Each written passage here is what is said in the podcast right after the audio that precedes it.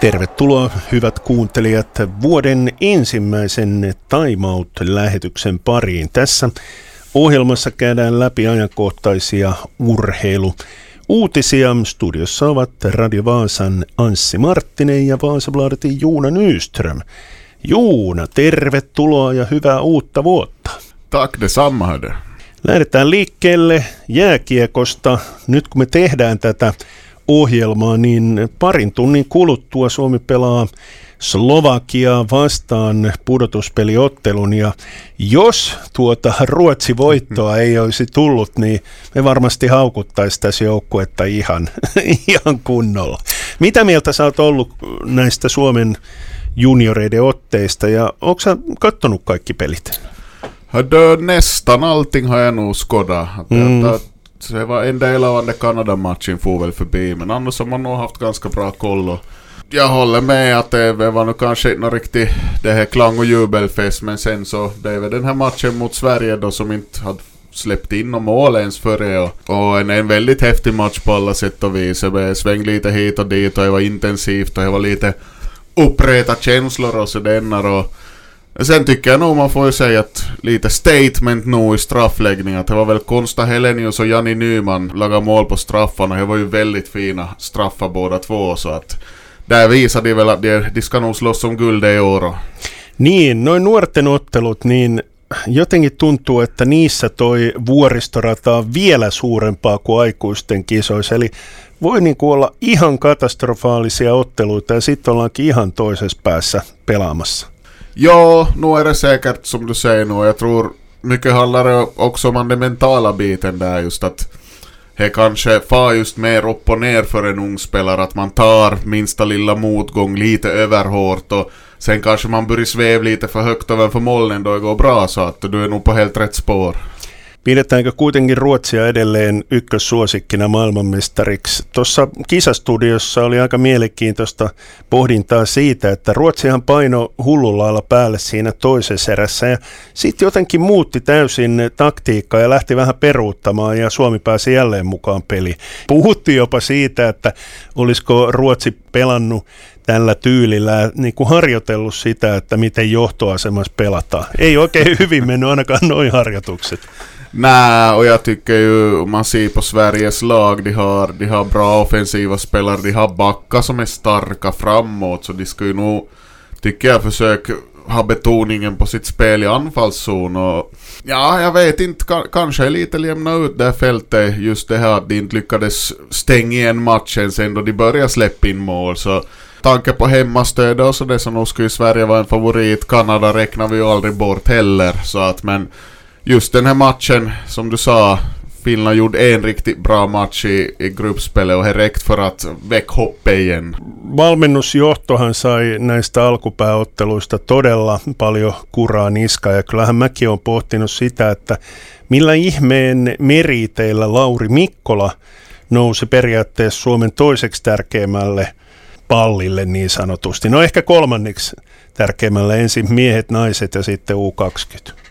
Början av turneringen så fick man liksom också lite en sån där halv ostabil känsla av hela förbundskaptenen. Alltså han hade inte liksom någon utstrålning och, och det fanns inte riktigt som någon beslutsamhet i vad ska man säga, hans aura och sådana men Sist och slutligen är det ju spelmässiga där man bevisar då och, och han också får ju lite renare papper nu i och med att, att det blev en seger mot Sverige. Men överlag så är det ju nog Hockeyförbundet så är ju lite en klubb för inbördes beundran som man brukar säga. Så att inte man ju överraskad. De här posterna fördelas lite enligt vem som har varit lojal mot vem och så vidare. Joo, kuten sä sanoit noista alkusarjan alkupääotteluista, niin Lauri Mikkola oli kuin suolapatsas, eli mm-hmm. ei tehnyt oikeastaan yhtään mitään. Siellä oli semmoinen fiilis siellä boksissa, että kaikki valmentajat jotenkin jähmetty ja eikä tienneet oikein, että mitä tehdä seuraavaksi. Mutta onneksi nyt tuo Ruotsi-voitto tuli ja nyt sitten pelataan Slovakiaa vastaan tosiaan te tiedätte jo keskiviikkona ja itse asiassa tiistaina, kun nämä ohjelmat tulee, että miten käy, mutta onko se katastrofi, jos hävitään Slovakialla?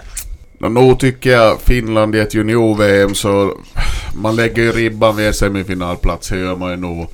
lite samma som förstås med, med de övriga landslagen, att, att nu ska man vara med i topp fyra nu för att det ska kallas för någonting annat än, än lite av en flopp. Så att nu, slovakerna spelar ganska bra, de har eh, ganska rolig hockey som de kör med, men nu ska ju Finland ligga före nu. Näin toivotaan, että tämä INS-ohjelmassa sitten voidaan eh, mitallia hehkuttaa sitten. Toivotaan näin, että käy. Mutta siirrytään hei tuosta juniorikiekosta Vaasan sporttiin. Sportilla ihan mukava viikko. Me oltiin sitä mieltä, että saa nähdä tuleeko pisteen pistettä, mutta oikeastaan ainut semmoinen vähän heikompi peli sattui tuonne Helsinkiin.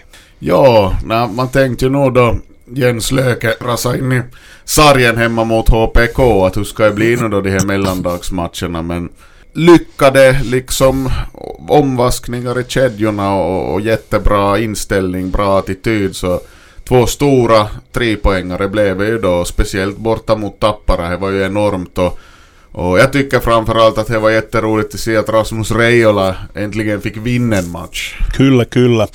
Löke, onko jopa loppukauden sivussa?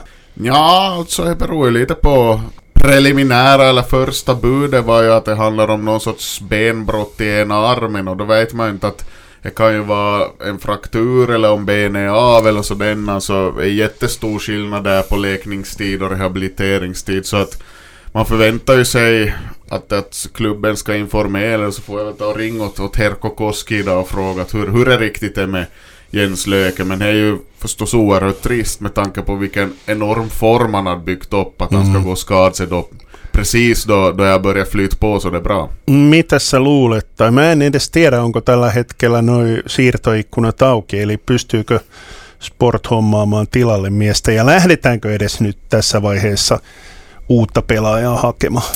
Nej, beror helt på förstås hur, hur långande frånvaron blir. Att eh, det brukar ju vara någonstans i mitten av februari som, som fönstret stänger för ligan och är färdigvärvat. Att man såg ju till exempel i fjol i vilket skede av säsongen som, som spelarna började flytta bland annat från sport som vi minns. Så nu finns ju tiden till si och fundera och jag tycker ju att Oskar i Hult nu som har då plockades in tillbaka unga U20-spelaren har gjort det helt bra som, som vikarie där. Så lite is i hatten håller man väl säkert ännu i sport. Vaasan sportista kuultiin myöskin sellainen uutinen, että Erik Riska ripustaa hokkarit naulaan. Kuulin sisäpiiristä, eli aika läheltä, läheltä, että Erik Riska olisi jo viime kauden jälkeen ollut valmis lopettamaan, mutta hänet sitten puhuttiin ympäri vielä jatkamaan yhden kauden ajan. Pelillisesti totta kai tärkeä tuommoinen raataja, mutta varmasti kaikkein tärkein on tuommoisena puhukoppipelaajana Erik Riska ollut. Absolut, och jag tycker nog den här säsongen också att det har märkts att då Eki inte har varit med så har inte varit riktigt samma säpine där och, och, och samma gnist och att han, han betyder nog jättemycket för laget och han, han betyder ju jättemycket för klubben i stort lite som en ambassadör som ansikte utåt så att Ja, jag tycker ju, och jag har ju sagt det förr också, att sen då, så är, då är färdigspelat småningom så ska Sportlyft Ekis tröju i taket där i hallen. Håller du med? Kyllä, kyllä ehdottomasti ja mun mielestä muutenkin pitäisi entistä enemmän tähän niin sanotusti joukkuehistoriaan tuoda sitä entistä enemmän esille. Mutta siitä jutellaan tuokion kuluttua lisää. Time Out Podcast käynnissä studiossa ovat Radio Vaasan Anssi Marttinen ja sitten myöskin täällä on Vaasabladetin Juuna Nyström. Juuna, olemme puhuneet aika paljon maastohiihdosta, puhuttu siitä, että suomalaisilla ei tule tänä kautena onnistumaan mikään.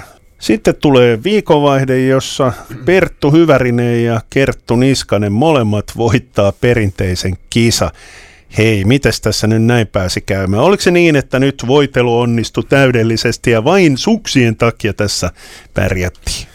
Ja, alltså, nu kunde vi väl kanske förvänta oss att det skulle bli en intressant säsong ur Vallabodens perspektiv just med det fluorförbudet. Och, och det har ju varit en del strul hit och dit, också förhåller kanske ganska mycket för det finländska landslaget. Så Ja, no delvis var det säkert att det blev en full träff med skidorna och sen fick vi väl kanske ännu ett bevis på att vi, vi är ganska bra på klassisk stil fortfarande i Finland men då hänger vi kanske inte med då det ska köras freestil. Joo, sitten kun tuli vapaa kisa, niin meni todella heikosti, mutta siinä taas sitten epäonnistuttiin totaalisesti, ainakin miesten puolella tuossa voitelussa, naisten puolella vähän paremmin onnistuttiin, mutta tämä alkaa olemaan niin kuin, vähän niin kuin Formula 1, eli, mm-hmm. eli jos suksi ei toimi, niin ei sulla ole mitään saumaa. Toki näinhän on käynyt jo aikojen alusta, muistellaan jopa 70-lukua silloin Juha Mieto olisi Faalunin MM-kisoissa ottanut luultavasti maailmanmestaruuksia, mutta hiihti puusuksella ja sitten muut hiihti uudella muovisuksella ja siinä kävi sitten niin, että Mieta ei noita niin sanotusti odotettuja mestaruuksia ottanut. Mitä mieltä sä oot? Onko tämä mennyt liiaksi tämmöiseksi voitelukautta suksi peliksi toi hiihto? Ja, kanske är lite så att, det, finns ju förstås inget fel i att, att de som gör allting bäst från, från materialet fram till träning till fram, fram till allting som nu rör hela sporten så ska vinna sist och slutligen men det blir så det otroligt stora svängar i hur det funkar så blir man ju lite trött på det så denna förstås. Så inte vet jag, sen fluorförbudet kom nu, kanske det nu bara handlar om henne då att allihop måste lite lära sig och lite hin dra igenom den här säsongen nu som förstås på det viset bra tajmat att det inte är några internationella mästerskap att man håller på att firabla med det här nu då. Att det sen jämnar ut sig då, då folk börjar ha lite ett hum om hur det funkar. Sitten jalkapalloon tapasin tuossa viikon vaihteessa Vaasan palloseuran. Onko se muuten urheilujohtaja vai urheilutoimenjohtaja Petri Vuorinen? Ja, på svenska säger vi ju sportchef oavsett. se olikin teille paljon helpompaa. Joo, no Peten kanssa juteltiin ja e, Pete sanoi siinä muun muassa sitä, että kun mä kysyin, että no mitä sä aiot tuoda nyt Vaasan palloseuran, niin Pete sanoi, että ainakin semmoista yhteisöllisyyttä hän haluaa tuoda entistä enemmän joukkueeseen ja niin kuin koko seuraan. Mä en itse asiassa oikein kunnolla edes tiedä, mitä toi urheilujohtajan toimi pitää sisällään. Onko se niin, että urheilujohtaja, urheilutoimenjohtaja esimerkiksi hankkii pelaajia tai mikä, mikä on niin kuin se työn kuva? No nu ska ju Petri Vuorinen ansvara för värvningar och så det och kontrakt Och förstås i samarbete med tränarteamet. Inte gör, inte gör ju någon del det ensam utan det ska ju vara en sorts växelverkan där. Och sen förstås håll reda på potentiella värvningar, vad, vad som finns på marknaden. Håll reda på unga spelare i egna led. Håll reda på hur, hur det går för spelare som ska ta klivet uppåt då inom egna organisationen. Så nu finns ju ganska mycket där där till, till jobb med och, och, och diverse samarbeten och allting som nu finns. Så att det blir intressant att se och, och han kommer ju in med bra timing om man just tänker på det att han vill jobba med gemenskapen för den här säsongen som gick nu så har ju svetsat samman och, och fört in ny, ny kraft i hela organisationen. Så det finns ett jättebra utgångsläge till bygg på. Hieman asiaa näistä sopimuksista. Tosiaan Vaasan palloseura tilanne on sinällä aika hyvä. Tyler Reed lähti ja seura oli Sheriff, Sheriff. Tiraspol tror jag. Joo, se oli aika mielenkiintoinen, mutta toisaalta...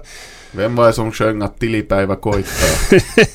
Näin se varmaan onkin. Ja tosiaan sitten Pyry Soiri, hän lähti Romaniaan ammattilaiseksi. Tuli mieleen, niin kuin, no joo, olihan aikoinaan Steaua Bukarest todella kova joukkue, mutta aika, aika mielenkiintoinen tilanne ei tullut ensimmäisenä mieleen, että Romaniassa sitten maksetaan suuria rahoja, mutta ilmeisesti homma on, että siellä, siellä sitten tienaa ihan hyvin. Ja nyt kun lu- lueskelen tätä Veikkausliikan uutissivustoa, niin siellä on aika mielenkiintoisia, vaasalaisittain mielenkiintoisia uutisia, muun muassa siitä, että Viron Premium-liigaan ensi kertaa noussut Nömme United on pestannut päävalmentajakseen suomalaisen Jani Sarajärven.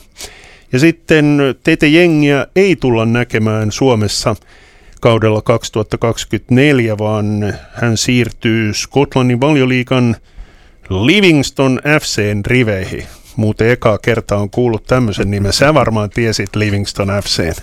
No, nu har jag hört det förr nu, sen har jag kanske desto mer koll på klubben. Men ja, intressanta övergångar är ju Pyry Soiri ett, ett, ett intressant kapitel med tanke på att då han for i tiderna från Finland och från VPS och var i Vitryssland som var målet där. Shahtar Soligorsk tror jag det laget hette. Så, så han har ju nog hittat exotiska klubbar till spel i och ja, sen får vi ju se nu då på tal om det gänget nu då inte heller Harry Sawyer fortsatt i VPS, att vad, vad, vi, vad vi får in till Vasa nu då istället. Det var ju en annan australiensare som jag nu tyvärr inte minns namnet på som var och testa på hösten någon gång ett par dagar men det har varit väldigt tyst nu förstås kring jul och nyår att vad, vad som kan komma att bli att, att kanske VPS nu tränar där i VO Arena som det heter numera, då är det ganska kallt ute så man får väl fara och se där om det dyker upp några nya ansikten. Onks niin, ainakin sun puheista nyt voi rivien välistä vähän lukea, että sä haluaisit tuommoisen